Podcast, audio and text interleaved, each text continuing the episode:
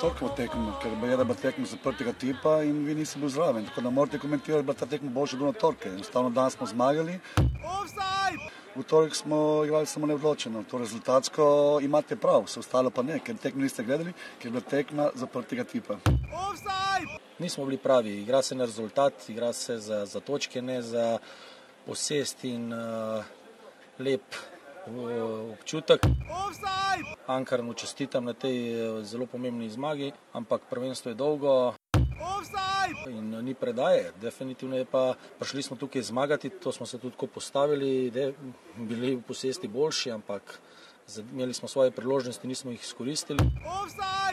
Ne, no, oni so, jaz sem jih samo vprašal, zato ker sem tik pred tem vprašal četrtega sodnika, koliko minut še imamo in mi je rekel dobro minuto. In takoj zatem je glavni sodnik uh, odpiskal konec. Meni se je, že ko je četrti sodnik dvignil in pokazal tri minute, zdelo zelo malo, glede na, uh, z, uh, glede pač na potek tega, kako je koliko prekinitev je bilo v drugem polčasu, koliko menjav je bilo v drugem polčasu, sem pričakoval uh, uh, tu daljše podaljške. Uh, ko sem potem po končani tekmi vprašal, sta mi uh, dva sodnika oba odgovorila, da se je četrti sodnik verjetno zmotil. Pa se ni, ne, dejansko se ni.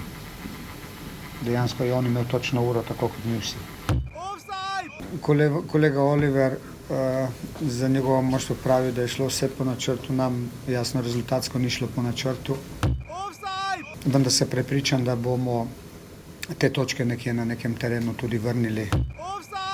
Goljevi se v zraku in uh, danes nam to se ni šlo, vendar uh, za tako moralo in s tako željo in bo, bomo nekje te točke vrnili. Kar se tiče uh, Aleksandra, Ta tekma danes mu ni bila pisana na kožo, vendar je po mojem mišljenju odigral solidno tekmo. Uh, moral se bo hitro adaptirati uh, oziroma z izborom, uh, z izborom uh, zadnjega veznega igralca, glede na specifiko tekme, bomo morali biti res uh, zelo, zelo natančni. Tu moram reči, da mogoče smo bili malo v prednosti v primerjavi z Mariborom. Mi smo imeli že eno tekmo. Uh, nervoza ali začetne neznanke smo mi, uh, smo mi spoznali že na, na prejšnji tekmi z aluminijem. To prednost lahko rečem, da smo tudi danes nekako nov. Če Olimpija sedaj doseže zadetek, potem bodo zagotovo v celskem taboru zelo nezadovoljni s sojenjem. Alves strelja in tu je ta zadetek za zmago Olimpije z 2 proti 1. Jako uzbudja utakmica, većim dijelom je bila bez uh, nekakvih uzbuđenja ovog tipa, ali na kraju samo mogu reći, sad sam i malo pod dojmom, uh, zadnji udarac, zadnji prekrasan gol i ovo sve što se dešavalo zadnjih 10, 12, 15 minuta, nije ni bitno zadnjih 10 teška utakmica, celje je bilo jako dobro i čvrsto i čestitam njima na jednoj odličnoj utakmici. Ne bi bilo nezasluženo da su bar nešto dobili za utakmicu, moram biti iskren. Uspjeli smo pobijediti, približiti se. Još jednom čestitke svojim dečkima na, na ovom teškom vremenu su pokazali stvarno da, da, da su vjerovali do kraja. Kanček nam je zmanjkal, mogoče izkušenosti, mogoče uh, neke, neke uh, v težkih trenutkih, da znamo kakšen faul izsiliti in tako naprej. Uh, zdaj ne vem, si bom pogledal in po prvem in po drugem golu so mi bile situacije sumljive pri, pri dosojanju uh, prekrškov, tako da škoda, takole tekmo zgubiti je, je težko, ampak uh, bomo mogli se s tem sprijazniti.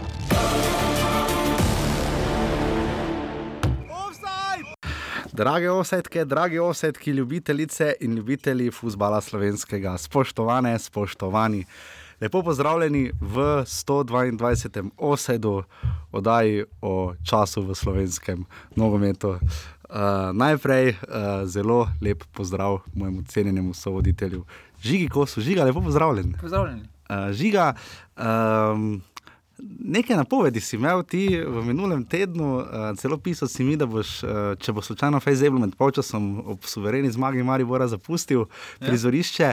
Uh, da, uh, zdaj si pa že do, od sinoči nekoliko uh, razrvan, malo si slabše volje, oziroma uh, malo so se spremenile te napovedi, ampak za mene se to zdi dobro. Ankaram bo sedmi, to smo ugotovili. Ankaram ne bo sedmi. In pa na vrhu se je prednost Maribora, kljub velikemu mrazu, stopila zgolj na točko.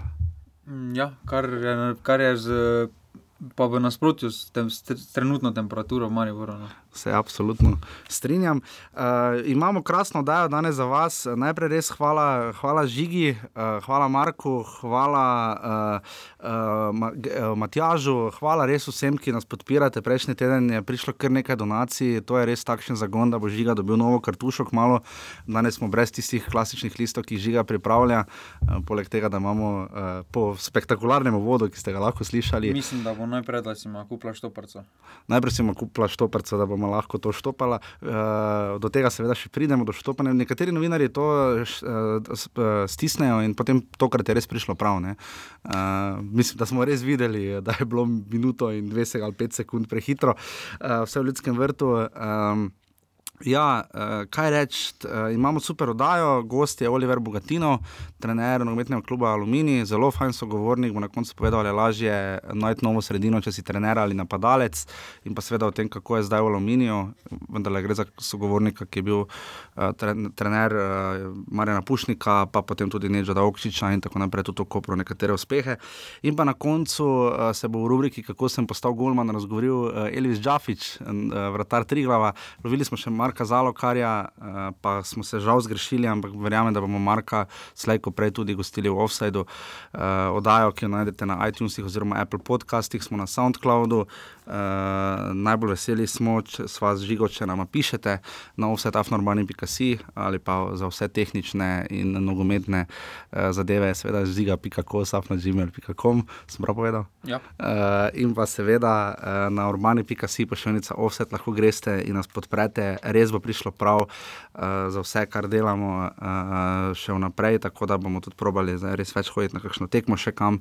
Uh, uh, seveda pa vsi upamo, da bo finale pokala letos uh, v Mariboru, tekma pa Alumini celje. Uh, uh, tako da to je za, 100, za 122 offset, za intro, uh, osnovni intro ste slišali. Uh, zadnjič je nekdo napisal, sem videl v Apple podcastih, uh, da bi bilo fajn, če bi povedali, kdo je v intrih. Uh, To je nekoliko teže izpeljati, vse malo bi bilo moteče, ampak zapomnite si, da praviloma delamo tako, kot so bile tekme razvrščene. Najdete jih na uradnem tekmovanju, prva liga, pika si.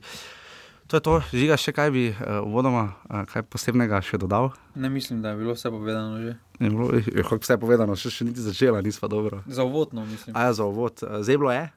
Zeblo je. Zeblo je, ker ja, jaz sem to drugem času malo stal, imel sem kodco, pa to pa, pa je čajček. res. Čajček smo dobili, ja, hvala nogometnemu klubu Maribor. Uh, sem pa jaz bil tisti, ki je polil čaj med polčasom doli v sobi, tako da se ljudno upravičujem, ne od jeze, bog ne daj, zgolj iz spodrsljaja. Tako da uh, nič, gremo v drobovje uh, 19. kroga uh, prve lige Telekom Slovenije.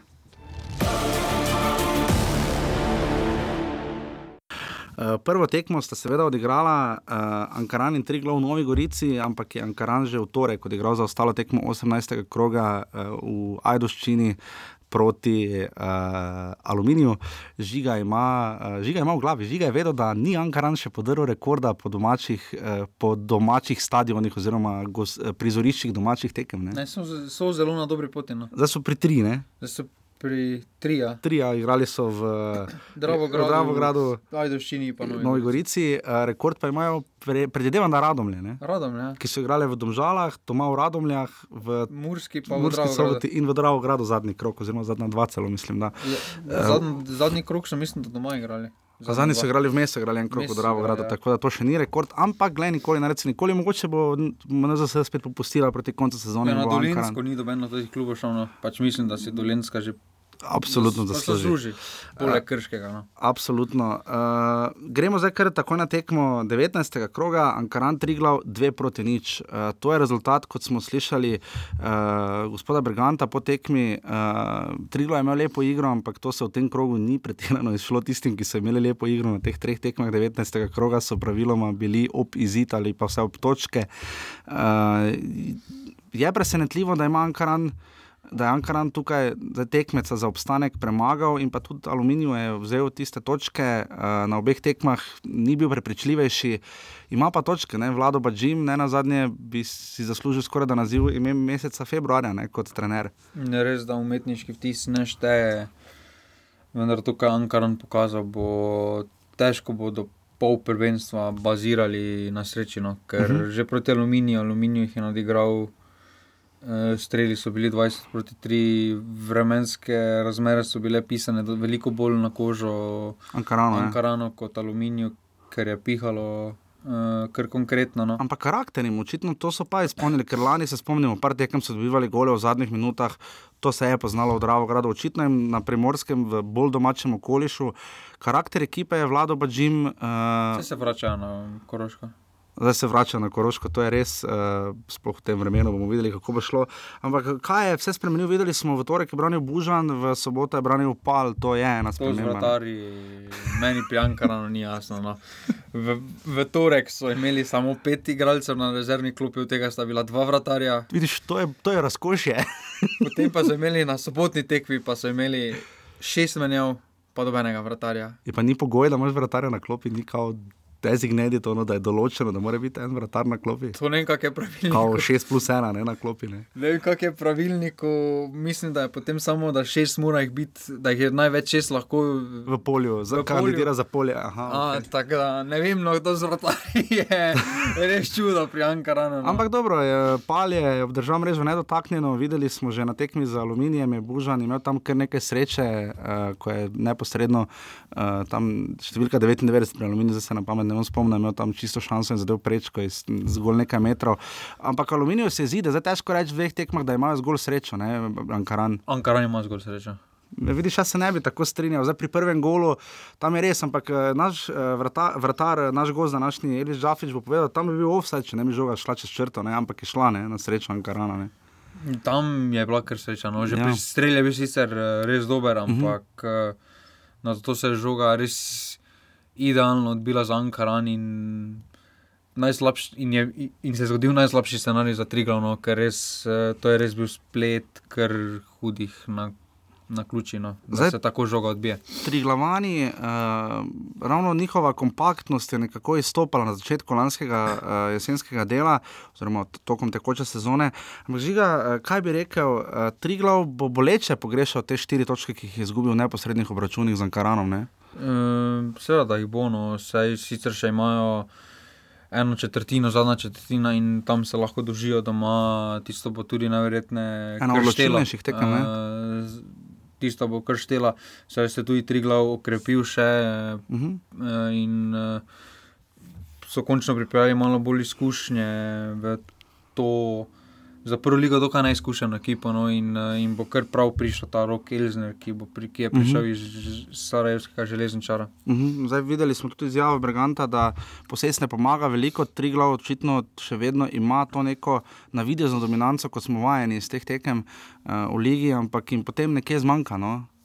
Ja, tukaj jim sedaj izmanjka v napadu, no, ker uh, vseeno so kar spremenili, se tri glav se kar spremenil v napadu in uh, tu se zna zgoditi, da jim bo kar manjkalo. No. Prvenstvo bo dolgo, ampak je to ena izmed tekem, ki bo po tvoje mogoče celo zelo odločala v bitki za obstanek, zdaj, tri, zdaj Ne, Ankarane. odločal bo vseeno zadnji medsebojni dvoboj, tam uh -huh. se bodo, sedaj še imajo. Kar lepo prednost, uh, oziroma dve točki, in sicer nista več tako lepa prednost, ampak še vedno je prednost. In... Ampak če tudi ne deliš mojega navdušenja, da bo Ankaran sedmi. Uh, Moramo malo paliti. Uh, je pa to tekma, ki je vseeno, oziroma v tem tednu Ankaran naredil precejšen napredek v lovljenju za ostanka in lahko naredi dvoboj, troboj, četveroboj celo za obstanek. Ja, eh, lahko ga naredijo, ampak eh, njihovi kvaliteti ga ne bodo. No. Okay, bomo videli, kako je s tem. Uh, sodil je Dejan Balažič v športnem parku v Novi Gorici. Zanimivo, da je bilo 30 gledalcev na tekmi v Vajdoščini, čeprav je bila tekma zaprtega tipa. Tekme zaprtega tipa ne komentiramo. Ja, žiga ne komentirajo, bomo dodali na koncu, bomo v tistih najbolj. Ker so pisali gledalci, pa zato smo jih komentirali. Ja, tu pa vidim, da vprašanje ne vem, niti koliko je bilo gledalcev v Novi Goričkem športnem parku. Zadela sta Sulič v 16 minuti in pa Romero potem iz 11 metrov, ki je v 87 minuti, Šmit je bil izključen v 81. Uh, Obe okrepitvi so zadeli. No? Ja, tako da tu je očitno, eno vseh ni tako malo, pri Ankaranu. Ja, res. Ja. Tako da, uh, kaj reči, Ankaran, tri glav, dve proti nič. Druga tekma kroga je bila. Vi se niste slišali, kako se je žiga razburo med tem žigilom, ki ste ga vi ujeli. Uf, kakšna teorija se vse tu razvija, višlo se celo rimalo. Druga tekma kroga 19. dve tekmi sta seveda odpadli in bosta aprila, je bila v ljudskem vrtu, Maribor in Alumini sta se pomerila v ljudskem vrtu in rezultat je bil nič proti nič pred uradno 1500 gledalci, čeprav moje mnenje je, da moja ocena je bila, da nas, če nas je bilo vse skupaj tisoč, je dosti. No. Ne, danes so zjutraj tudi na radiju povedali, da jih je bilo 800. Samo zato pa se mi je zdelo malo malo. No? Tak, jaz bi ocenil, da je to ni zdelo. Jaz bi no. rekel Jurija. Mislim, največ... Na vaši strani vas je bilo kar na vzhodu. No? To sicer ne vem, no, ampak. Vsekakor, meni se je zdelo, da jih je največ, da jih je na jugu več kot pa na zahodu. To pa ja, ja na zahodu res ni bilo no, skoraj nobenega. Zanimivo je, da to ni zdaj uradno najnižji obisk, najnižji tisti proti Gorici v ljudskem vrtu, ko se je decembra zbralo tisoč gledalcev. Tekma um, ki jo je Maribor željno pričakoval, vse čas govoril proti bolj so šle priprave k koncu, da komaj čakajo, na to pa se ni zdelo, da so pretirano komaj čakali to tekmo. Vsaj so reč po prikazanem, aluminij je strnil vrste sjajno, tu ni kaj za dodati, so se zidali bunker kot ga proti Olimpiji, to je treba priznati precej težje, uh, sploh da bi zadeli, tukaj so pokazali nekaj malega ambicij ampak bi sam rekel, da je to bila bolj posledica težav Maribora, ki so se pa kar hitro začele kazati, eh, oziroma so bile razlike znotraj kadra, to je pa nekaj, česar nismo bili vajeni v jesenskem delu, so se pa razlike znotraj kadra kazali. Jan Mlakar je deloval, kot da igra nek čisto svoj futbal, recimo v primerjavi z, drugo, z drugim prihodom Aleksandru Krecu, žiga vam bo zdaj razložil, zakaj Krecu ni bil vsega kriv, čeprav je tudi Milanič rekel, da to ni bila tekma za njega, ampak vseeno žiga, eh, zakaj se je Maribor, potem ko je celje razbil, pa vemo, da se je celje odprlo, zakaj ima Maribor takšne težave uh, že pri pripravljanju situacij, kamoli da bi pa žoga šlo gol. Ne? Predvsem zaradi nepomaganja, neuspešnosti, v bistvu nesodelovanja v kakršni koli igri, Pihlera in Boharja. No. Pač tukaj uh, in tudi vršiča, uh, vsi trije vezni. Če igraš romp, eh, vezni, naloga zadnjega veznega ne more biti razigravanje oziroma nabijanje žoge levo in desno, to mora biti, uh, mora imeti pomoč in tukaj Pihler, Bajde. Bohar. Bohar, no, Bajde je potem dobro stopil, Bohar, Pihler, Vršič, uh, niso kazali nekega interesa po sodelovanju. To poznalo se, recimo, tu bi Maribor recimo, kar je dosti več pokazal. No, Interesa po igri. Martin Milec se je zelo trudil, ni imel najbolj svojega dne, uh, se je zelo trudil. Uh, to je tekma, kjer bi izkušnje tipa Mitja Viler prišle tudi zelo prav, ne, da bi se kdaj vključil in dal še kakšen predložek. Na koncu je bil tisti Mitja Viler naredil razlik, razlike. No, ker... To je ena tistih tekem, ko če bi igrali še dva dni, občutek, da Maribor ne bi zabil. No, čeprav je ja, res mlakar, je... en, en dober strelje, Kovačič je res obranil sjajno, uh, Jan Mlakar je pokazal veliko, dobil udarec med polčasom, zato ga je imel nič v drugem delu menjal. Pred polčasom ni med polčasom. Mislim, pred, sem rekel pred polčasom, med, pred polčasom, tik pred polčasom je dobil udarec v nogo in potem v gleženje in potem ga je Milanič zamenjal v nadaljevanju, eh, kar se je zelo poznalo. No. Mislim, da je ta menjava eh, zelo vplivala na igro Maribora v napadu. Eh, potem je imel Mešanovič svojo priložnost.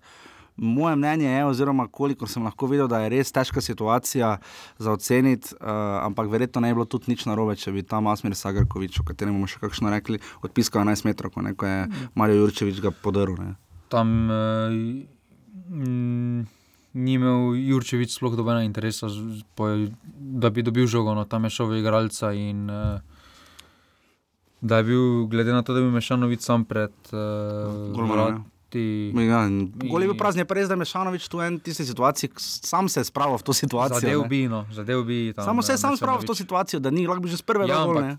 Je ena na ena zgodba. Eh, če je tako razmišljal sodnik, no, potem ne more biti okay. sodnik. No, ampak, Dobro, sodnik na tej tekmi vprašanje, kaj razmišlja Asmir Sagrkovič, zagotovo ne o tem, kako mu ura dela, ampak do tega, zakaj je ura. Vse na koncu, kakršen koli. Da, to reči, tudi če bi Maribor še igral tisto minuto, zdaj vprašanje, bi kaj bi bilo. Razliko, no, leto pač se je dal že kakšen gol, bilo, ampak, leto se je že dal eh, kakšen gol v vzdihljajih. Res je tudi, da je proti Krškemu dal Pihler v 95 minuti gol, kaj mislim, da bi 4 minutni podaljšek, pa je šla žoga noter, ampak dejstvo je, da ta minuta, zdaj, kaj bi bilo, če bi bilo, je drugo, ampak eh, sodeč po videnem, Marijo je imel vidi nobene 92 minut razlike, no, časa, da. bi spravil kaj boljšega skupaj. Mlakar je imel še en čisti zicer, ki se mu slučajno ponudil tam. Ko, Res pa, da tam v prvem polčasu eh, pri Mlakarju ni bilo offsajda. No. Tam pa red, ni bilo. Eh, Ne, Aha. po posnetku ni bilo, tam je bil Mlakar ena na ena. Res vprašanje, no, mogoče bi Kovačič obranil tisti strel, ampak Težko eh, reči, ne. Ampak zdaj do tega še bomo prišli, ampak eh, ta izjava enka Maribora se meni zdi smešna, no, ker res spada Odvrača pozornost. klubu, eh, kot kalimerati. No, Ja, domače povedano. odvrača pozornost od dejstva in to je pač, Ja, da to Maribor so ni bil razpoložen. za- Preusmerili so, ho hočejo preusmeriti pozornost. eh, stran od vlastnih težav, ki so pa nastali, težko rečemo po vlastnih odločitvah, ampak za Aleksandra Krecoja, njegov termin prihoda in vse ostalo se je kljub odločil tak, takrat, ko se pač je. Eh, Zanimivo, da Blaž Vrhovec sploh ne igra, sploh ni bil niti v kadru. Ne. Maribor je sicer naštel kar nekaj poškodovanih igralcev.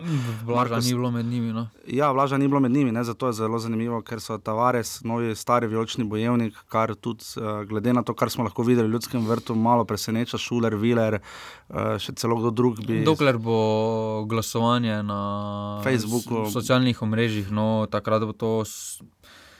Takrat bo to tekmovanje v popularnosti, ne bo tekmovanje v neki Ja. borbenosti. Ker, Ali pa da bi dali vam sezonskim, recimo, Vse so lastnikom dali, ampak večjo, nič ne šteje. število glasov, da bi več ja, štelo, ne, to mislim, Na koncu Tavares, vemo, kdo je, kaj pomeni za Maribor kot mesto. Že, eh, mislim, da ne raje več potrditve od takšne potrditve. Mislim, da so tudi drugi v tem kadru, ki si zaslužijo. Eh, To lani je dobil Handanovič izključno zato, ker se je naredila propaganda na, za njega na Radio City. In, Češ glasujemo za najbolj ja. Borbenega, ne glasujemo za Tavaresa. No. Ja, pač, Skoraj da eh, tako je bilo tukaj, rečeno. recimo, Šuler zaključil kariero, mislim, da je bilo to ena lepa Viler je imel sijajno sezono. Viler je imel sijajno sezono. Na koncu mogoče celo boharno, kdaj pa kdaj v prihodnosti. Uh, ja, poškodovani, so bili še Šuler, uh, Hožič, uh, Kramarič in pa Šuler. ne. Uh, tako da Maribor je bil rahlo oslabljen, ampak eh, glede na to, da je z ekipo, ki realno se bori za obstanek, več bo povedal to malo kasneje, Oliver Bogatino, kamor mi spada, ampak preprosto ni šlo. To je tudi taktično tekma, ki je Dark Milanič ni zadev, Romp je bil tu odvečne. Ja, tukaj eh, ne bi smel z rombom, sicer že. Mlakar je hitro ugotovil, da ne bo prišlo veliko žog uh -huh. do njih, če bo Zato dostali. je šel sam po žoge, Zato je ham, sam hodil po žoge in uh, sam poskušal nekaj, ampak uh, z rombom, uh, posebej, uh, če imaš za, za, za obema napadalcema tako, ne, tako nerazpoloženega vršiča, boš, bo ta napadalca težko prišla do izraza, ker oba dva napadalca sicer imata kvaliteto zabijanja zadetkov, ampak eh, če ne dobite uporabnih žog, eh, je ta kvaliteta brez pomena. No. To je bila tekma, ki če hočeš biti prvak, jo pač preprosto na kakršen koli način že Ja, na moraš dobiti. tekmah se dobiva prvenstvo. No. Ja, Tukaj tudi absolutno. uh, se najverjetneje zdaj kljub malo tavčajo po glavah, eh, da so forsirali to tekmo, lahko bi preprosto nogometni zvezi sporočili, eh, ne Pač moremo ne, ne moremo. pripraviti igrišča. in Čeprav je bilo, no. pogoji za igro so bili, če odštejemo mraz, ki tudi očitno ni toliko vplival eh, na igro, vse meni se Ja, ni ampak zdelo, no. igrišče je bilo veliko lažje za ekipo, ki se brani, kot To se ekipo, ki napada, strinjam. ker eh, žoga ni ravno. Ni ravna, blano, pač Pa na bilo poškodbe ravno. tudi malo ja, bolj, Res so bili udarci, so bili eni, so bili kar. Trdi, ne. In bi se lahko hitro kaj neprijetnega zgodilo. Tako da tukaj eh, me je že presenetilo v samem tednu, no, ker sem mislil, da bo Maribor na vsak način, poz- Mariboru bi pasala, da bi ta tekma se komot igrala Aprila, aprila. ja, sem takrat malo aluminij, ne. Ja, aluminij, ampak dva te, dve sredi še ima vedno prosti. No, in takrat bi aluminij tudi najverjetneje dobili na težjem ritmu. Uh, Maribor ima večjo širino in bi to tekmo lažje pripeljali no, v svojo korist, kot pa sedaj to. Maribor preprosto ni zadev. Uh, več o tem, uh, morda še to te aluminije presenetil, ne glede na to, da v torek je tam res je bil boljši, precej boljši od Ankarana, ampak je na koncu uh, izvlekel točko. Uh, Presenetili so me Ankaran- predvsem uh, novinci pri štiri, pač zamenjali posebej te štiri mladi, menjave. posebej ne. te mladi. je- Pa Marinšek je vstopil, Marinšek pa- je že imel prvo tekmo zelo dobro. Ja, tudi- tako da tu absolutno dobro dela, štiri menjave opravijo, voljo Tako da, Bogatino, eh, pač res vsaka čas no, Bogatino, da si upa dati priložnost tako mladim igralcem. Super in uh, Oliver Bogatino bo zdaj naš gost, uh, tako da res eh, hvala nogometnemu klubu Aluminij, tako da brca bo Oliver Bogatino.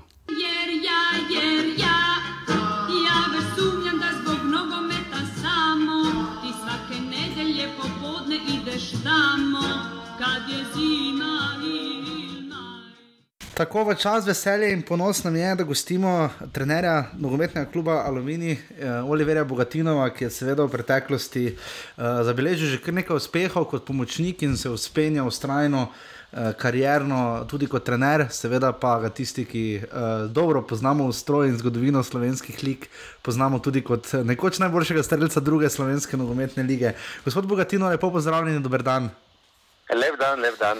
Uh, najprej, uh, dajmo še enkrat hitro obuditi, uh, kako pomembna, kako različni sta si lahko točki, uh, če primerjamo tisto proti uh, Ankaranu in pa zdaj to proti Mariboru. Čeprav je ena točka, ena točka, se pa vendar včasih zdita popolnoma različni. Kako bi to ocenili?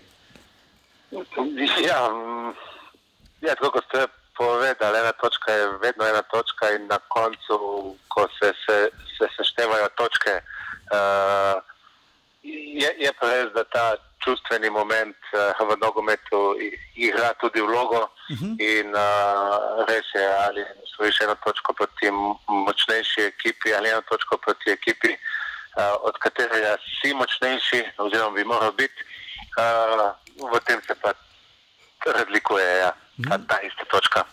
Kaj bi rekli, gospod, način, način, kako si jo pridobil. Ja. Mhm, gospod Bogatino, kaj bi rekli? Uh, ste dalj časa čakali na ta angažma, uh, poznamo vas seveda in iz Kopra in Olimpije, bova še potem prišli do tega, ampak kako je, ko nekaj časa čakate na to priložnost, uh, zamenjali ste Slobodana Gruborja, Aluminij ima očitno cilje več kot le obstati v ligi, tudi razvijati igralce. Kako je, ko trener dobi spet to priložnost in zagon? Uh, ja, jaz moram reči, da jaz v no- nogometu delam kot trener že zadnjih 12 let. Uh, in uh, razen nekaj mesečnih pauz sem vedno imel delo. Uh, je pa res, da sem hvaležen tej priložnosti uh, aluminiju, ki so mi jo namenili, da, da, da lahko skupaj uh, peljemo, peljemo in uh, peljemo uh, ekipo nasproti našim ciljem.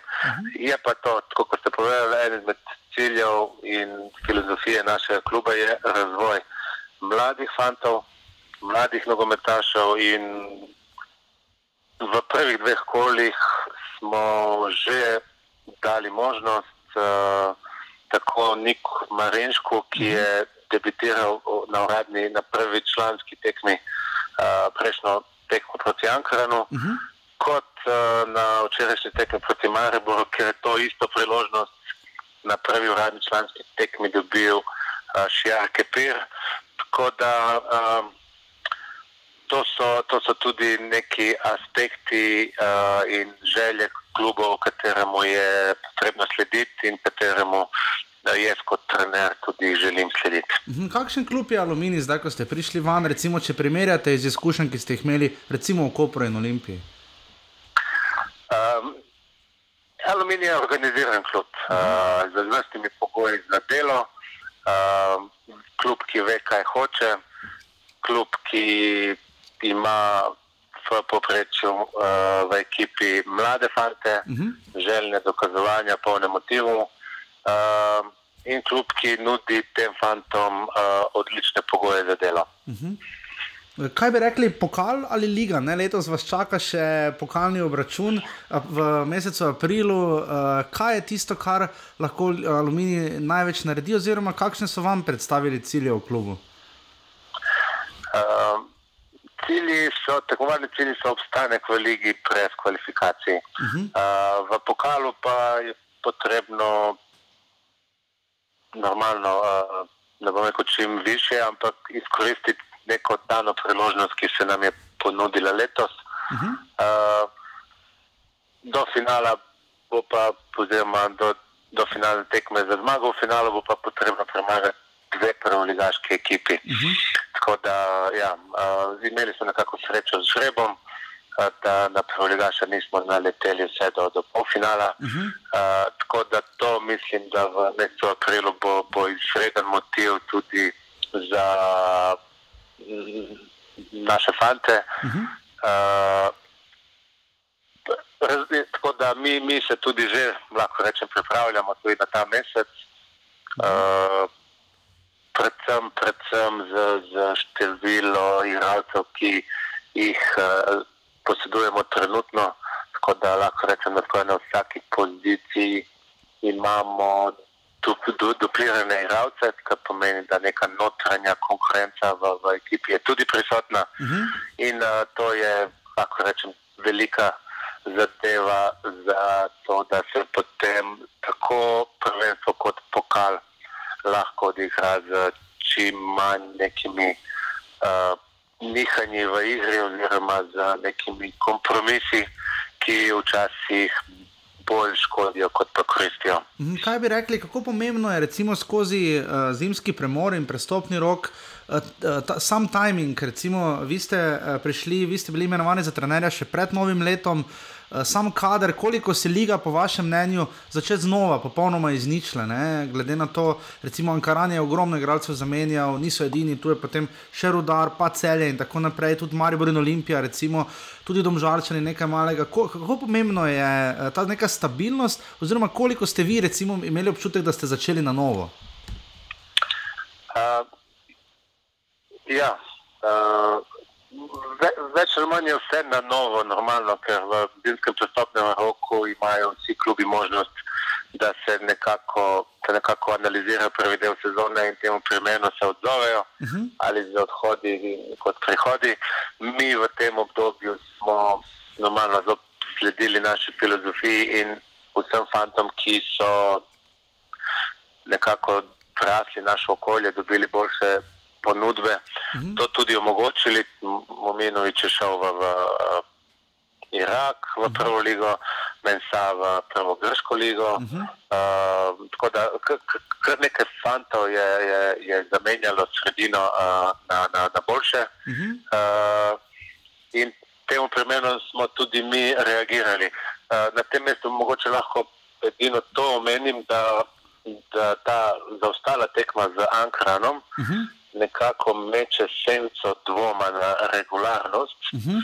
uh, ker, ker dejansko je, je Ankaran tisti, ki, ki ni izgledal v prvem delu enako kot v tem drugem delu. Uh -huh. uh, tako da, da tista zaostala tekma bi pomeni bila bolj bi termin bil bolj primeren v, v prvem delu, še pred prestopnim rokom, ravno iz, iz teh razlogov, uh -huh. uh, da se nekako ta fair play uh, po celem prvenstvu izenači. Mm, se absolutno strinjam. Morda še ta del, gospod Bogatino, eh, vodili ste Muro, recimo proti Laciju, bili jesenski prvak eh, z Marjanom Pušnikom, eh, bili v finalu pokala Hervis, pa bili pomočnik, ko je Koper osvojil državni naslov. Kako je recimo kot trener menja sredine, ene sredine recimo se borijo za Evropo, druge za državni naslov, Alumini recimo pa za obstanek. Kako je tu trenerji oziroma kako, kako pomembna je recimo ta pot pomočnika trenerja, recimo, ki ste jo dali vi skozi? Ne? Kaj bi tukaj rekli?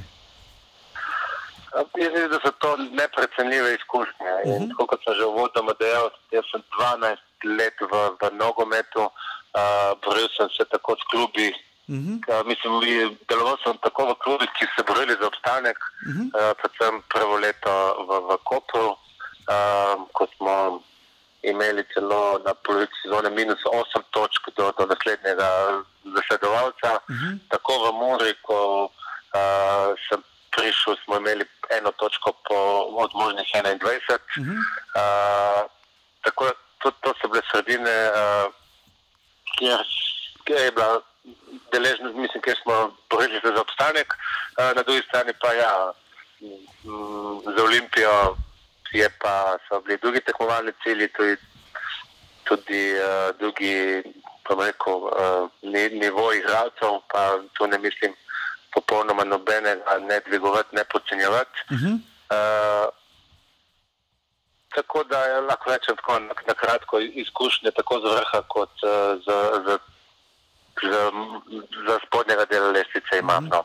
In uh, delo samo se pa ne razlikuje bistveno, uh, posod je ta neka timska dinamika izredno pomembna. Uh, fantje istočasno med sabo tekmujejo za, za mesto v prvih enajsterici. Uh -huh kako se pravi, istočasno pa še morajo delovati z skupnimi močmi, da, da je ta rezultat kluba uh, boljši, ker ravno klubski rezultat tudi njih nekako dela in dviguje in razvija. Uh, tako da, ja, ekipne igre so, so specifične in uh -huh. Ne glede na to, ali se pravi za, za vrh ali ne, uh, je, je delo zelo podobno. In še to nam povejte, kdo lažje ali teže najde novo sredino, recimo napadalci, kar ste bili tudi vi, ali trenerji. Kako, kako trd je tu trenerski kruh? Sicer klubo je deset v prvi ligi, tako za igralce kot trenerje, je pa mest manj. Kdo lažje najde novo sredino, trenerji ali igralci?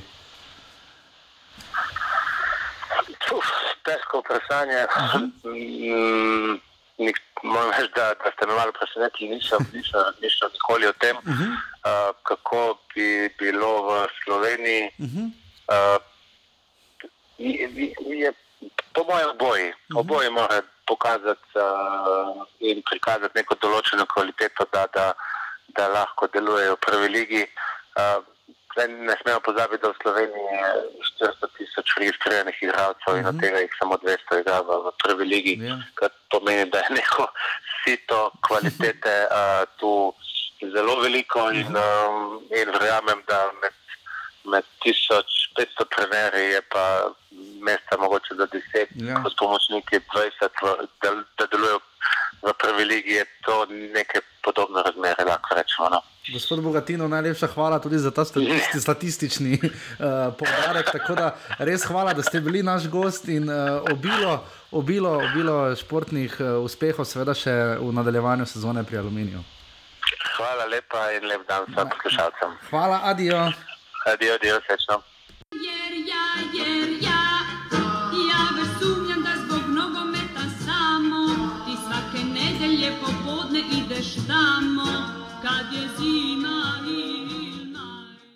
Uh, tako zdaj gremo pa verjetno še na, ne na verjetno, na definitivno najboljšo tekmo uh, tega kroga. Uh, pa še vedno bila slaba, pa bila najboljša. Pa ni bila tako slaba. Mislim, pogledaš, jaz sem gledal drugi polčas, uh, ker sem prvi še tipkal, uh, drugi polčas sem pogledal v celoti, ampak če pogledaš pa highlights, je bilo pa brutalno dobro. Dve, tri prečke, tri goli, uh, dve smrtni šansi, tako da res. Uh, po highlights tudi salali dobro gledal. Dobro, okay. to, se, to se strinjam. Uh, Sveda, govorimo o tekmih v Stožicah, 700 gledalcev se je zbralo, čeprav tu se mi je pa zdelo več. No. Tu pa se meni tudi tu zdelo, tu pač pa zdelo. No, po kockah 4 ure.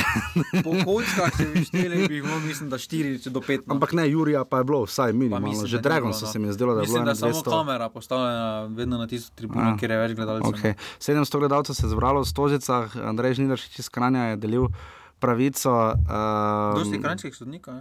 Ja, vedno več, sploh uh, na to stran države, pogosto hodijo. Uh, Predvsej dinamična tekma, cel je krenilo spektakularno. Uh, tu uh, ni kaj dodati, Dušan Kosič je ponudil podobno tekmo kot v Ljudskem vrtu, zanimivo. Torej, tista napoved Mila Niča se ni najbolj resničila, je, je, je cel je krenilo res kar napadalno.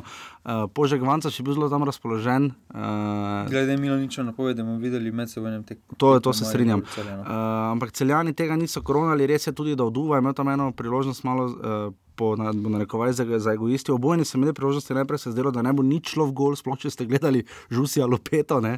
potem pa je tam, ko je zgrešil Lopeta, tisto sjajno priložnost, čisti zicer, je šla kontra in je Olimpija sjajno to izkoristila. Uh, Abbas je zadev uh, v 85 minuti, se je zdelo že s tem, da je tekma odločena, potem pa je Lopeta v skoraj podobni situaciji kot prej zanačil v 88. Potem pa Alves v globoko 94 minuti iz prostega strela. Uh, Um, greva kar na konec. Jaz bi rekel, da kar je tu, se mi zdi, naredil metod Jurhar, ki je sicer mlad, pa to eno napako, po moje, naredil, no pa te lahko zdaj biti pameten skavča. Uh, zakaj si ni pri taki situaciji, ko je jasno, da bo igralec zdaro na gol, da ne bo šlo za odigrano akcijo, ker je zadnja sekunda, ne? zakaj si ni igralca dal uh, na štango drugo? Ne? To sem, naj, to, me, to sem najprej pomislil. Ne? Vprašanje ali bi branil. To v Sloveniji ni sicer tako. No... Ni pogosto, vem, redko pač, kdaj to vidimo. Redko kdaj to vidimo. Prav bi, to, kar bi pa skoraj prav prišlo. No? Uh, mogoče res bi bilo logično, no, samo mislim, da. Ker tu je jasno, da bo na gol vdaro, da ne bo podal. Ne? Ja, samo Jurhar je po mojem bolj pričakoval strelj v svoj uh, ja. vratar, ker se tudi videlo, da najprej naredil korak v svoj ek, uh, potem pa je prosti strelj ni bil zdaj, ne vem, neobranljiv. Zahovič je dal takega takrat proti Jugoslaviji. Ja, pač res ni bil zdaj. Ni bil nekaj v drajek, ja, lahko, pač, mislim, je obranljivo, no, če greš pravi. Ja. Je, v, ni zdaj pravim pričakovanjem, je obranljivo. Ja. Pa kar po sredini vratno in tukaj je bolj. Uh, ta gol uh, gre bolj na dušo Jurhara, kot pa na neko izjemen strel Alvesa. No. Rikija. No, bomo šli, Rikija, Riki, Riki. Uh, gremo kar uh, po memento principu. Predtem je bil prekršek. Moramo pa rešiti samo to eno. Pač. Prekršek pač. je bil predtem, padel je. Prekršek Abas. je bil najbolj prešljiv pri tem. No, ja, je to je problem, igro. bolj kot sajt, pa vse drugo. Uh, Elvedin Džinič je svoje kapetansko povedal. Uh, čudi me, če bi jaz bil Andrej Žindršič, bi svojega cenjenega nekdanjega soigralca izključil. Ne? Ker to, kaj je Džinič povedal, kar smo lahko iz ustnic razbrali, to je za gladki rdeči karton, pa tri tekme. Ne, ne da bi bolj na Elvedina želel, da je izključen, ampak če že imaš muda kot sodnik, ne, to hočem povedati, če si že tako avtoritaren in piskaš taki faul in ti nekdo vse po spisku, vse vemo kaj, uh, me čudi, da ni Džinič izključil Džiniča. No.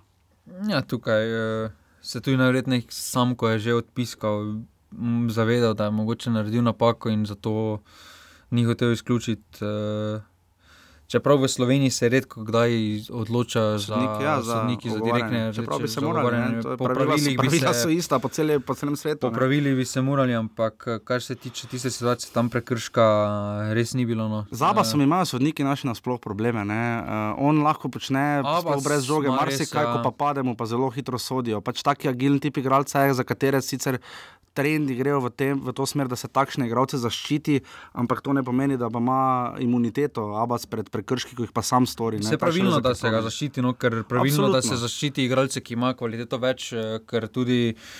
Veliko več eh, udarcev dobivajo, in, eh, ampak ne morejo pa po drugi strani dovoliti sodniki, da lahko takšni igralci delajo vse na igrišču, brez opozorila. No, če se spomnimo samo derbijev, pa tudi proti tem žalam, pa tudi sedaj eh, proti celjanom. Si, ko gledaš tekmo, misliš, da rumeni karton si je vsaj prislužil, no, potem mm -hmm. pa mhm. pogledaš zapisnik, pa mm.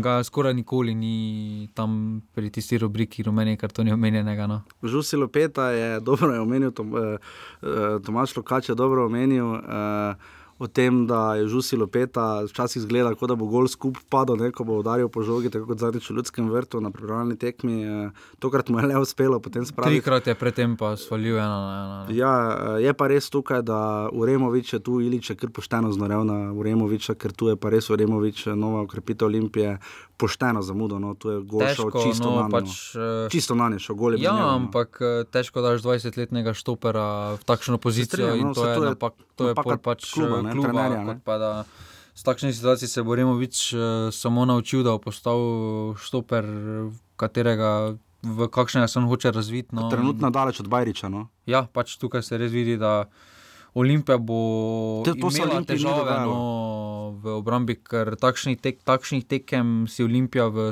jes, jesenskem delu v obrambi ni privošla. No, pač, res, res se mi je zdelo, da so celjani si dobil občutek, ali so celjani Nova Barcelona, slovenska ali ja. pa so pač mm -hmm. Olimpija tako slaba v obrambi, ker celjani so bili, par situacij je bilo.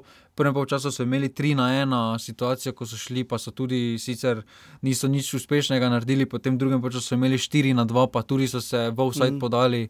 Če kaj pri Olimpiji je jeseni držalo, to je bil njihov deveti, prejti zadetek v sezoni na 19 tekmah je bila ta linija, ne, Apav, Štiglec uh, na bokih in pa v sredini Ilič in Bajrič, tu je zdaj Removič. Že Apav in Štiglec nista bila na nekem nivoju. Se strinjam, pa sta bila v jesenskem delu, kot vemo, uh, zelo, zelo dodana vrednost Igorju Biščanu. Uh, prvi gol pa je bil seveda posledica tega, da ga cel ni dalo, kdo ne da dobi uh, v tem v, v protinapadih. Savič je vse naredil. No. Savič je imel dobro tekmo. Res je imel dobro tekmo, ja. pa tudi uh, nov frizurno. Ja, sem videl, ja, zelo peroksidno. Uh, uh, tako da uh, tudi roko na veter vidimo, da dobiva. Samo nima imel najboljše tekme. No, pač, ja. Po tiste, tiste dve menjavi so se meni zdeli, ko sem gledal tekmo, kar nelogični. No, uh -huh. Da Benko zamenjal Duvo in uh, predvsem Alves, je izgubil Alves korona vetra in tukaj -huh. pač je predvsem izgubil na hitrosti Duvo, ampak. Uh, Benko je se tudi pokazal solidni luči. No. Tukaj je uh -huh. zanimivo, da recimo en Bomberger sploh več ne pride ja. poleg, no, ki je, ko, ko, ko je, prišel, ko je prišel v Olimpijo je bil napovedan, se ga je napovedalo tako, kot da najmanj reprezentančni kaliber. No. Ja, da ni daleč do reprezentance. Ne igra pa... pri Olimpiji. No, in... Benko, ki je bil pa že zelo na stranskem tiru in mu je ostajal. Ja, bi se mu že dali proste roke. Ja, no. proste roke, da lahko gre, pa zdaj tisti, ki bo očitno spredaj trpal, uh, od Uva se tudi tukaj vrača. Olimpija ima tudi zelo impozantno klop in uh, sodeč po videnem, da zaključiva, uh, celjani so seveda prikazali zelo dobro igro, ampak jim to trenutno nič ne pomaga, ostali so brez točk. Uh, je Olimpija s tem napovedala uh, resno, resno, resno kandidaturo uh, Mariboru, še bolj resno, kot jeseni za naslovno? Na, takš, ja, na takšnih tekmah se dobiva, oziroma izgublja prvenstvo. No, uh, Tu, ker tvoja igra ni najboljša, je to Olimpija izničila. Mora zmagati. No, je, psihološko, je psihološko tu Olimpija izničila uh, tisto zmago Maribora na derbiju? Ne? Pa mislim, da psiho, psihološko, če primerjamo malo z lanskim prvim krogom, no, je pomladanskim, ker je res, kot kaže, odločil tisto, kar je bilo. Ja. E, tu neke psi, večje psihološke, po moje, ne bo pustili ti dve tekmi. No, res, da, je pa več pritiska za Maribor. Zdaj je več absolutno. pritiska, ampak še vedno ima Maribor ta privilegij, da igra vsak, vsaki krog, še kar nekaj krogov naprej, pred Olimpijo. In, uh, v primeru zmage poveča prednost nad Olimpijo in jim pošlje neko sporočilo. Tako da tukaj sedaj samo na delu, eh, pa na delu sta oba dva, in Olimpija in Maribor, da nadaljujeta res kar izjemen ritem eh, zmaknov iz jesenskega dela, ki je dokaj težko ponovljeno. Maribor ima točko prednosti pred Olimpijo, uh, domžale, seveda te tekme so predstavljene, rudar domžale, domžale. Uh, in pa krško gorica sta predstavljene na april. Uh, tako da zdaj imamo kar precej zmedeno lestvico, 31 točk, ta domžalec za celjane se je to spremenilo toliko, da jih lahko zdaj gorica prehiti v naslednjem krogu. Uh, kar se pa tiče aluminija, Triglav in Ankarana, je pa situacija, da ima aluminij 18 točk, Triglav 14 in Ankaran že 12. Uh, da... Seljanom se lahko hitro, pač kar voda začne teči grlo. No, ja, ker lahko če hoče Evropo dobiti. Uh, uh, rudar, imajo zdaj teže kritem celjani in mm -hmm. uh, zdaj so izgubili točke, oziroma to, vsaj točko, ki bi jo morali dobiti, glede na predstavo sedaj imajo domžale in eh, če recimo hitro lahko začne ratati panika, ker rodar tudi bo nadaljeval najverjetneje s tem eh, z dobivanjem točk. No od streljcev najboljših je igral zgolj poplatnik, škrbiča, škrbič, seveda ne, škrbič je poškodovan, meri še manj, tavarec pa tudi, uh, pri asistencah pa tudi, uh, mislim, da ni spremenjen. Pri streljcih je res zanimivo, no, ker redko kdaj se zgodi, ko pogledaš eh, streljce ja, najboljših ekip. No. Ja. Ko pogledaš, recimo, krško, škrbiš poškodovan, ajde še eno, rudar ga več ni, sploh ni v klubu. Uh, potem celja, Dangovič ga ni več v klubu, ja. Gorica, Kapič ga ni več ni v klubu. Ja, tega je kar precej. Uh, tako da lesica je takšna, kot je, jih poznate. Uh, Liga se nadaljuje, seveda, ta konec tedna, spet bo trodnevni festival.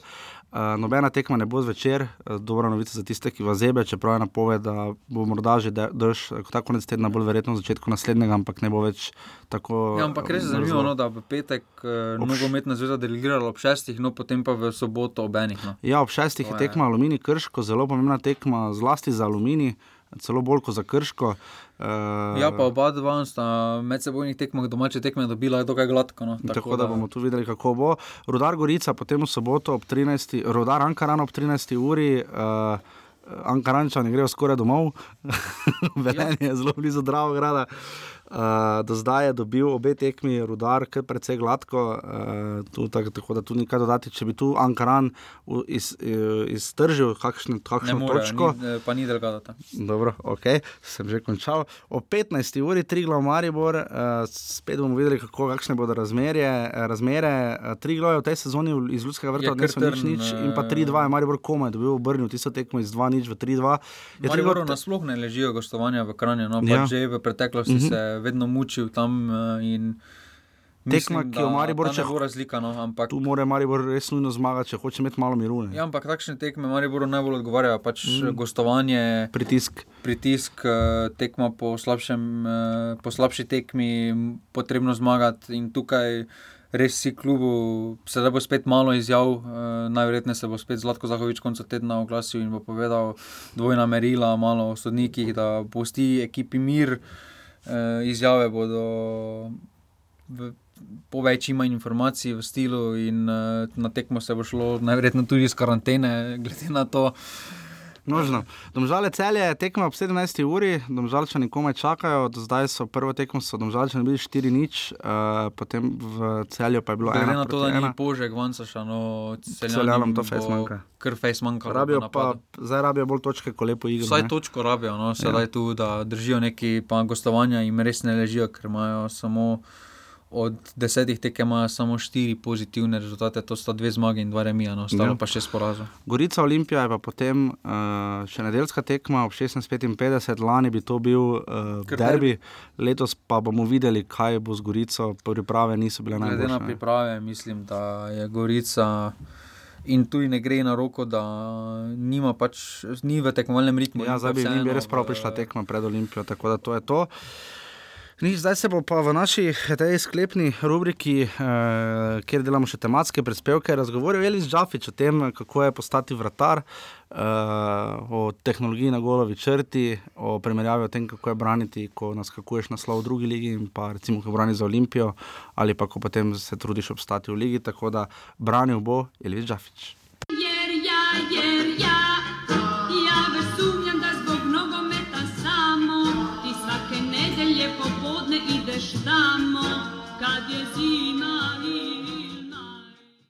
Tako v čas veselja in ponos nam je, da gostimo Elvisa Džafiča, eh, vratarja uh, Triglava, seveda nekdanjega vratarja Olimpije in pa tudi nekdanjega mladega reprezentanta. Uh, toplo priporočam, da si kdaj pogledate postave, ki so takrat igrale uh, pred približno tam okrog leta 2012. Uh, Elvis, lepo pozdravljeni. Lepo zdrav. Um, Elvis, zakaj in kdaj in kako ste recimo vi postali vratar? Pa dobro, jaz mislim, da večina vratarjev, ko sem tudi jaz eh, nekih mlajših selekcij začel kot, kot igralec na neki poziciji. Ne. Mhm. Jaz se spomnim svoje zgodbe, ko smo, ne vem, dok, ne spomnim se točno do katerega leta sem bil igralec, da smo igrali neki turnir in vratar je pa zbolel, nismo imeli vratarja in je nekdo predlagal, ne vem, od trenerjev, od, od, od, od, od staršev, da bi dal mene na gol, ker, sem bil tako malo večji od ostalih in se rekel pet na gol. In takrat se je nekako začela ta moja zgodba in nekako ljubezen do branjenja. Ne. Mhm. Je, je, Tako še, je še vas zdaj zanimalo, oziroma koliko potem, uh, sploh pri mladih letih, ko bi seveda vsak dal gol, ne, uh, koliko vas je še potem zamikalo, oziroma kako uh, vztrajen moraš biti, da potem ostaneš uh, med vratnicama in ne greš v polje. Ne? Pa dobro, takrat pri teh letih jaz niti nisem razmišljal, to je bilo, ne, vem, sem bil star 11-12 let. Uh -huh. Nekako tudi trener, ko je videl, da je mogoče nek potencial, da bi lahko bil dober golman, je rekel, bo, bo, da mi je predlagal, mogoče bi bilo najbolje, da ostaneš golman, mi je rekel. Ne, nekako sem jaz ajde, sprejel, to, njegov, sprejel ta njegov nasvet in nekako se je to zgodilo. Ni bilo zdaj to nekaj, da sem jaz mogel ustrajati. Pač to se je tako na klik zgodilo, ne, uh Mhm. -huh. na enem turnirju in od takrat je tako bilo naprej. Ne. Mhm. Kakšne so, bile, da- kakšne so bile vaše izkušnje recimo, pri treningih? Uh, potem najprej seveda otroci v nogometnih šolah trenirajo skupaj, potem pa na eni točki nastopi trenutek, ko vratarji vse pogosteje začnejo trenirati del treningov sami, pa potem seveda se skupaj igrajo in tako naprej. Kako je tu ta pomemben, recimo vloga pomočnika, vloga pomočnika oziroma trenerja vratarjev? Ne? Pa dobro, vem, zdaj že v tri glavo otroci od vseh selekcij imajo že uh, vsaj uh -huh. dvakrat na teden, trikrat trenerja golmanov. Uh -huh. uh, kar je zelo pomembno, da se že pri mladih letih naučiš neke osnove, eh, osnove tehnike, koordinacije, kako se vrst, kako padati eh, pravilno in vse, kako napasti žogo pravilno. Tako da je to zelo pomemben faktor, trener Golman je zelo pomemben faktor, ker lahko vpliva na, tvojo, na, tvoj, na tvoj razvoj, na tvojo psiho, ker pri Golmanu je zelo pomembna psiha in uh, mislim, da če, če je ta prav trener Golmanu in, in pravo delo z mladimi, lahko veliko pomaga Golmanu, da, da zelo hitro napreduje. Ne? Mhm. Ste letnik 90, eh, koliko se morda tu sama s tehnologijo, ne vem, v Mariboru smo videli, da imajo celo tisti top in tako naprej. Koliko se treningi spremenjajo, koliko se funkcija vratarja, recimo, če gledamo bočne igralce, se njihova vloga precej spremenja danes. Kako je tu za vratarje? Ne? Pa dobro, se, se, sigurno je vloga vratarja zelo, zelo pomembna. Ne, in, uh, ni, včasih je bilo naloga vratarja samo, da, bran, da stoji na golu in da bran. Zdaj mora sodelovati v igri, dis, pri distribuciji žoge nekako. Pri, jaz sam pri sebi lahko govorim, da zelo pomagam tudi obramnim pri postavljanju, uh -huh. komunikacija. Tako da uh, ni, ni to več, kot je bilo včasih, veliko let nazaj, da je vetar sam stal na golu, pa je čakal tisti strel, da ga brani. Uh -huh. Zdaj mora sodelovati pri kreaciji igre, kot vidimo, primer. Barcelona, ki ne, ki, kjer vrtar zelo, malo, zelo, zelo, zelo redko nabije dolgo žogo. Uh -huh. Znači, mora biti dober v igri z nogo, da lahko sodeluje z zadnjo linijo in potem, da, da se igra, igra tako naprej. Uh -huh. Pre, prej ste omenili psihološko plat eh, pri vratarjih, pri Golmanih je to toliko bolj pomembno. Recimo, lahko dobite, vi ste recimo hitro pri Olimpiji dobili kar nekaj minut, veliko priložnosti, nekateri dalj časa čakajo. Sploh ta psiha, recimo, ko se znajdeš enkrat v vlogi drugega ali pa tretjega vratarja. Kakšna je tu vaša izkušnja? Tako kot ste rekli, vrtar je samo ena pozicija, uh -huh. samo en lahko igra v, v danem momentu. Uh -huh. zdaj, če ti nisi potrpežljiv, lahko se sam škoda narediš. Uh -huh. Je pa res, da ko dobiš priložnost, moraš hitro zagrabiti, ker se ti hitro lahko obrne na, na, na karijera gor ali pa dol. Uh -huh. Tako da.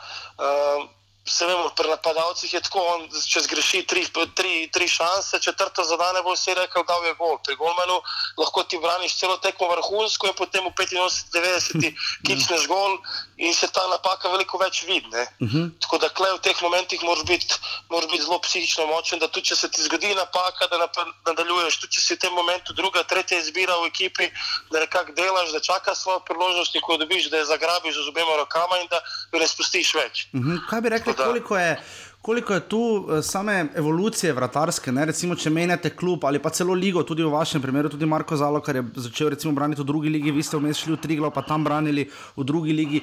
Koliko je tu specifično na vratarja, recimo glede na klub, pa tudi glede na to, ali je moštvo bolj, boljše v obrambi, eh, više na lesvici, niže na lesvici, koliko se potem sama percepcija ali pa tudi način branjenja spremeni, ko igraš recimo v Olimpiji ali pa potem, ko igraš v Triglavo. Ne? Dobro, jaz sem prišel iz situacije, recimo Triglav v drugo ligo, ko je Triglav napadal, uh -huh. vrstitev na ponovno v prvo ligo in so uh -huh. mi dosti ofenzivno igrali. Tako da je veliko lažje za vratarja, manj manj dela, po eni strani je lažje, po drugi strani je teže, ker če imaš ti manj dela, se praktično nekako hladiš tam na golo in čakaš en strel, dva, maksimalno tri in moraš biti tam 100% na teh dveh, treh strelih v 90 minutah. Uh -huh. um, je pa zdaj recimo razlika, se šele zdaj čuti, ko smo v prvi ligi, ko se malo več branimo, ko je veliko več dela, uh -huh. je sigurno, sigurno drugačen drugač branjenje, kot je bilo lani v drugi ligi oziroma v Olimpiji, par let nazaj, ko se praktično, ko je bil vsako leto cilj naslov prvaka. Uh -huh. Mhm. Tako da je razlika, je. je. Mhm, pa... Sami, sami pripravi na tekmo, sami psi, psihi v glavi, moraš biti še bolj pripravljen, še bolj skoncentriran, tako da se ti ne zgodijo kakšne napake, ker imaš več dela, se lahko tudi več napak zgodi, kar je normalno. Mhm, je sem... treba te napake na minimum zmanjšati. Če sem pravilno preštel, mislim, da ste letos štirikrat imeli, uh, da, da niste dobili zadetka, da ste ohranili mrežo nedotaknjeno. Kako je v prvi ligi, ne iz vidika vratarja, uspel, recimo Triglav, uspel in Maribor in Olimpijo zadržati na nič proti nič dveh tekmah letos. Uh, kaj, kaj bi rekli, kako je v ligi iz vidika vratarjev, kakšni so klubi, proti komu je lažje, proti komu je težje? Pa dobro, nam je vsaka tekma praktično težka, ker mi vemo, da, da, da se bomo borili za obstanek. Tako da imamo v vsaki tekmi praktično se nasprotniki preigrajo kar nekaj šans. Uh -huh.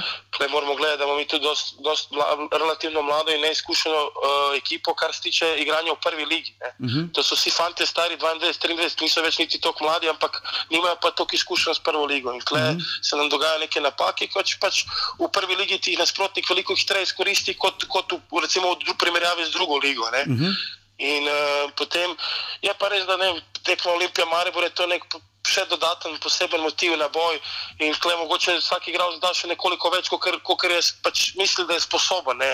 Mhm. Uh, pač to je podzavestno, se, se, se bolj pod, pod narekovaj raztrgaš proti Mariboru Olimpiji še malo dodatno. Uh -huh. Koliko nas občutek uh, vara, recimo, da igravci uh, zadnje čase, sploh pri vodstvu, sicer včeraj, ko ste igrali v Novi Gorici, je šla žoga v vašo levo uh, pri 11 metrovki. Uh, zdi se vse meni na oko, da igralci večkrat pomerijo 11 metrov direktno po sredini. Kako se to vam zdi?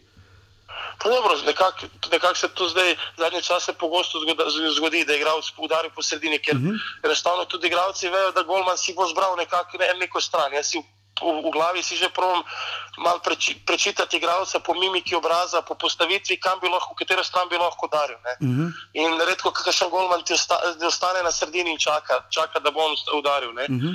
um, tako da igralci se več, več, več, vse več odločajo za to, ker enostavno mogoče to zdaj na najlažji način nekako zadeti gol iz 11 metrov, ker pač golman, če ti zadane stran, je velika verjetnost, da bo branil, če udarec ni, ni, ni na nekem na visoki ravni, ne, da ni mhm. močan, da ni natančen, je velika šansa, da ti golman brani. Mm -hmm, po sredini je pa nekako zdaj najbolj sigurno.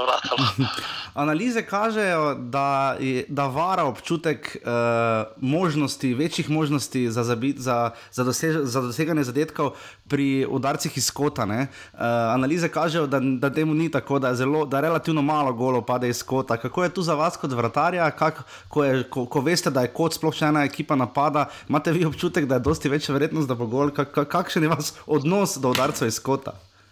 Dobro, jaz, kar se mene tiče, jaz osebno imam rad te uh, visoke žoge iz, iz, iz predložkov, iz kornerja, uh mhm. -huh. ker, ker jih kar veliko poberem ne, in, in grem ven. Je pa res, da tudi eh, same žoge tako napredujejo, tako delajo te žoge, zdaj, da zavijajo, da so ne, premočnejši udarci, kar malo po svoje, ne, imajo neko svojo pot in, in je to še dodatno teži delo vratarju. Uh mhm. -huh. Vidimo tudi zadnje cajte, se zadnje v zadnjem mesecu se je dvakrat, trikrat zgodilo, da vidimo gole direktno iz kota. Uh -huh, uh -huh. Ker igravci imajo močne, močne, močne podaje, močne fe in žoga enostavno je tako zdaj narejena, da je zelo zavija, da so zelo hitre, da pač avtomatsko veliko velik več golov pade in je igra samo po sebi toliko bolj atraktivna. Uh -huh. In, uh, In niso, niso enostavne te žoge, vse pravi, kdo, kdo razna pač to, pa zelo natančno zadeti ta predloge, že predložek iz kornera, ima znajo vrtari imeti kar velik težav. Mhm, rekli ste žoge, morda še to žoge vedno znova napredujejo, vedno je tudi vprašanje, kakšna bo žoga za svetovna prvenstva in tako naprej v Ligi prvakov, v prvenstvih. Uh, kaj pa golmanske rokavice, ne? so vaše rokavice, sledijo tempu, uh, se, se skuša uh, tehnološki razvoj uh, zoprstaviti ne? vedno hitrejšim, bolj zavitim žogam. Ne? Prav, imate prav, ja, se vidimo, vsake, vsake par mesecev pride nek nov model rokavic. Uh mhm. -huh. Veliko več je tudi teh nekak, uh, znamk, teh rokavic. Vsake, to, vsake toliko časa se pojavi neka nova znamka. Uh, in tako naprej. Tako da mislim, kar se tiče te tehnologije, te, da tudi uh, sledijo, sledijo razvoju žog, tudi uh, ta, ta velika podjetja, ki, ki pač skrbijo za športno opremo in razvijajo tudi rokavice v, v, na, podlagi, na podlagi razvoja žog. Uh -huh, uh -huh. In še to, kakšno je vaše stališče do včeraj, je bila podobna situacija, ampak je potem žoga tako ali tako je žogo brcnil v gol. Vaše stališče do uh, tehnologije na golovi črti? No, dobro, včeraj, včeraj, včeraj je bila situacija, da je bil gol čisti, uh mhm. -huh. da je igralec, če lahko je bila žoga v golu, udaril, ja, ja. če bi bil offside. Uh -huh. um, po meni ta tehnologija niti ni tako napačna, veliko bolj me moti ta nova tehnologija, ki vidimo ta var, ki je v italijanski ligi, ko, uh mhm. -huh. ko sodniki ustavljajo igro, pa pregledujejo posnetke. Mislim, da prav v teh napakah nekako je čar, čar nogometne igre, kjer se potem še nekaj dni primer po El Clasiku med Barcelono in Realom se pogovarja o nekih sodniških napakah, ki so se zgodile v škodo enih ali, oziroma korist enih ali drugih. -huh, uh -huh. Tako da po meni bi se ta gol tehnologija mogla pustiti, vse ostalo bi moglo pa ukiniti nazaj uh -huh. in da se nekako se pusti sodnikom prosta presoja, ker nekako potem uh, se tudi ta čar igre v teh napakah, se pravi, goli padajo iz napak, uh, tako da so tekme bolj atraktivne in uh, meni to prekinjanje ni všeč. No. Mhm. Elvis, najlepša hvala, da ste bili naš zelo zgovoren gost in obilo sreče v nadaljevanju letošnje sezone. Hvala vam za povabilo vašo oddajo. Hvala, Dio. Hvala, Dio. Jer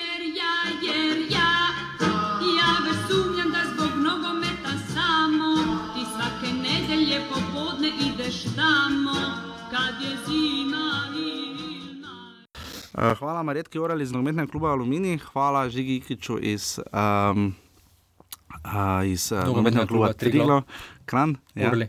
Orli, rdeč, uh, Bordo-Beli. Hashtag Bordo. Hashtag smo vabljeni. Sobota.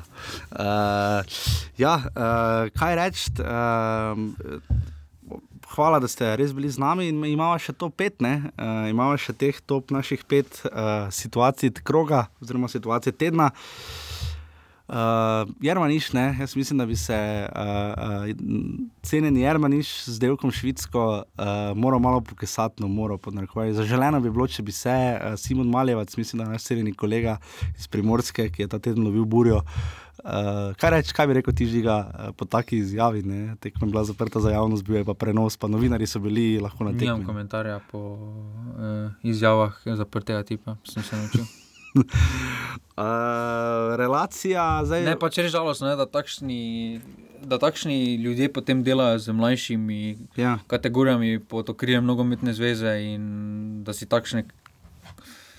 Res, da po zmagi, no? ne rečem, da bi izgubili in, di, Ja. in bi recimo novinar eh, evidentno Ja, proval sprovocirati nekaj, ampak tukaj je bila samo primerjava tekme ene in druge. Ene in Oba dva sta bila pozitivna rezultata za Ankaran in takšen odziv. eh, Ni primeren. Ni Vsaj mili, minimalno rečeno, še manj je odziv. Kolobocije, ki smo videli v Ljudskem vrtu, to je top 2. Um, Azmir Sagrkovič se je odločil kot se je, ampak koliko je nam znano, popravite, če se motimo, glavni sodnik javi četrtemu, koliko bo še dodal, in potem četrti sodnik to pokaže in signalizira Ja, so- stadionu. Ne. Po, pa če, so vsaj, če so upravljene vseh šest menjav, je že tako ali tako po principu tri, Tri minute, tri ne. minute plus nekaj malega šele položaja, ampak recimo, da je tri minute bilo dovolj. ne. minute, no bi sicer mogel povedati, ampak tri minute, ajde, ok, glede na to, da je bil mraz, da najverjetneje ni več hotel stati tam na mrazu, eh, ampak da potem odpiskaš po minuti 55. No. To je neresno, neresno iz vidika, da osnovna naloga sodnika je, da drži čas, ne? to je njegova osnovna naloga v nogometu, potem so čisto, potem so vse druge stvari. Uh, z- ampak začetek in konec tekme je najbolj ključen, ne? brez tega pač ne moremo imeti normalne nogometne tekme. Moj občutek je bil, da ko, so, ko je Darko Milanič laufal čez igrišče, pa Mitja Pirih, pa Saša Gajser takoj za njim.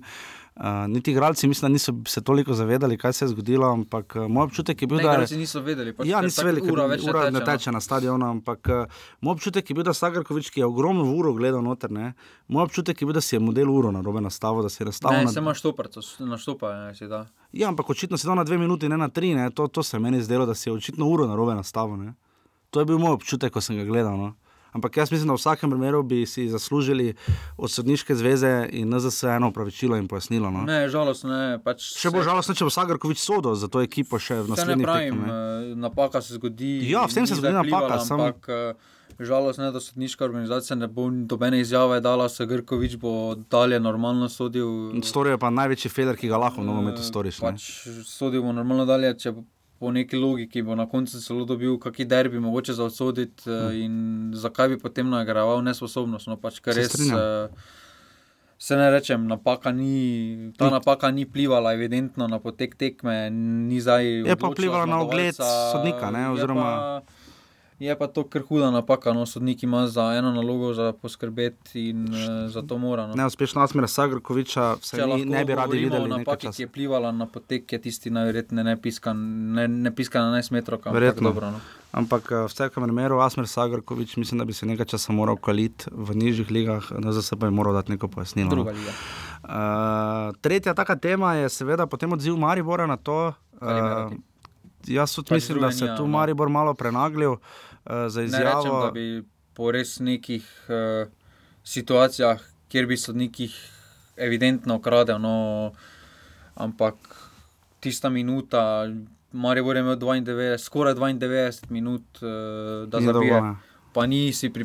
Vse ni problem, da ni da gola, razen tiste Mešanovič mlakar, si ni pripravil dobene neke konkretne priložnosti. so Napadali so, pa to sklepno, pa tam Drviševič žogo Ja, podal. vse so imeli, ampak uh, to ni to, no, niso bili res neki nevarni, da bi res rekel, da. Pa maščuje se ti lahko, To ne? to, no. Ko bo naslednjič Maribor imel ali pa dal gol, Ja, ker sekund tisto, ker tisto v Ljubljani je bilo povsem skladu s pravili. No, Ja. Prekršek je, če je bil prekršek, ampak Prekršek je bil problem, ti prekršek. to tako zaenkrat piskaš tudi kot Pač če. prekršek je bil pre, v, še v tistem času in se potem uh, tam se so še nekaj prerekali s sodnikom, da se postavi vse skupaj. Ena minuta potekla izvajanje prostega strela v takšni situaciji, pa se mora Ja, pač dovoliti. Uh, razlika je, če, trije, če je Ja. 70 metrov od gola, Potem postiš, odpiska. ampak uh, tukaj je treba bilo postiti. No. Um, Jean-Philippe Mendy je prestopil. Slaven Belo pa. Slaven Velupo, Koprivnico, uh, peti klub, Slaven Velupo, ki je zmagal na poljudu. To je res, uh, se zdaj vidi, no, da je bil Maribor uh, kar korona. Njegove kariere. Za, v bistvu za tisto celo skoraj generacijo. Ja. Ja. Ko pogledamo, zdaj, ki Ja. ja. tista generacija igra. No, je z Ibrahimom. Ibrahimi, Filipovič, da si se šel v Dinamo, Brest. Milec je vrnil. Milec je vrnil, Stanovič igra, pa ne Ne igra, igra. v Dinamu.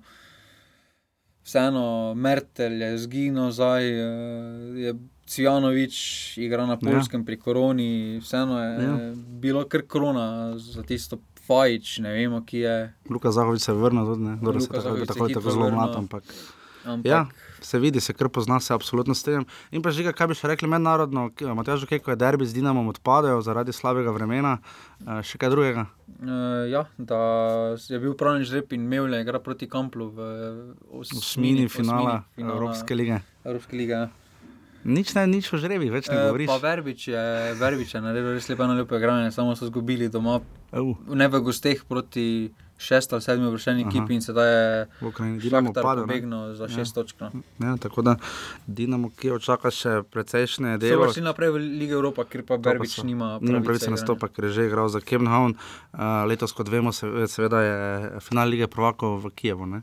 Uh, Pa jo, to je odpadla tekma proti ja, Juventusu. proti Juventusu, to smo pa videli. Uh, Recimo, Juventus, gladko pove, pa ima infrastrukturo veliko boljšo. Ja, pa ni bilo stadion. take količine snega, najverjetneje kot. Lahko pa da je megla, bila, ne vem. V Ne, Torinu zaradi zna- a, snega. ja, snega okay. Ker v Torinu zna, ker on megla biti še malo meteorološko, ker smo ta teden zelo veliko tudi to spremljali. Offside, uh, kar nekaj sprememb, celjani so splezali nazaj na vrh, 54 jih imajo, uh, rudar s tekmo manj 53, Maribor jih ima 48, Olimpija 41 in seveda veliki preboj, uspel Ankaranu. Ne. Prebili so se že na to, je kaj peto mesto, imajo 38 offside, res pa domžale z offsideom manj, uh, imajo tekmo manj tudi, Triglo ima 32 offside, uh, Gorica 27, tako kot Alumini uh, um, in pa Krško uh, seveda ostaja pri 15. Um, to je to, ne pozabite na urbane.si pošiljnice, offset nas lahko podprete. Uh, hvala GT22, da nas tu res prijetno uh, gostijo uh, in upam, da nas boste poslušali še naprej. Žiga, ti še nekaj gledaš, bi še kaj povedal. Ne, v bistvu to je to. No. To je to. Na uro sem gledal. A, na uro si gledal, Juh, si zelo. Uh, v, seveda, sli- slišimo se spet v ponedeljek, prihodnji, uh, po 20. krogu prve lige. Um, do takrat uh, upam, da je bila vredna oddaja. Hvala uh, Elisu Džafiču, hvala Oliverju Bogatinu. Upam, da bomo našli spet kakega super sogovornika za naslednji teden. Če imate kakšne predloge, želje, pripombe, no, pa seveda pišite najboljše na offsetafnorbane.si. Pa ja, še lahko vprašate na Twitterju, kakšen je bil čaj na tekmi, da vam piše. Je prijazno, so nam čaj prinesli, ja? Ja, pa prvem lahko. polčasu. Te lahko vprašajo, malo, Čaj je bil odličen. da tebi nosijo čaj, meni pa.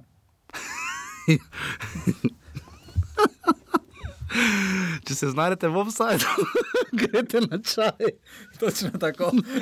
Hvala, da ste bili z nami, se slišimo spet naslednji ponedeljek. Hvala, Hvala, adijo. adijo.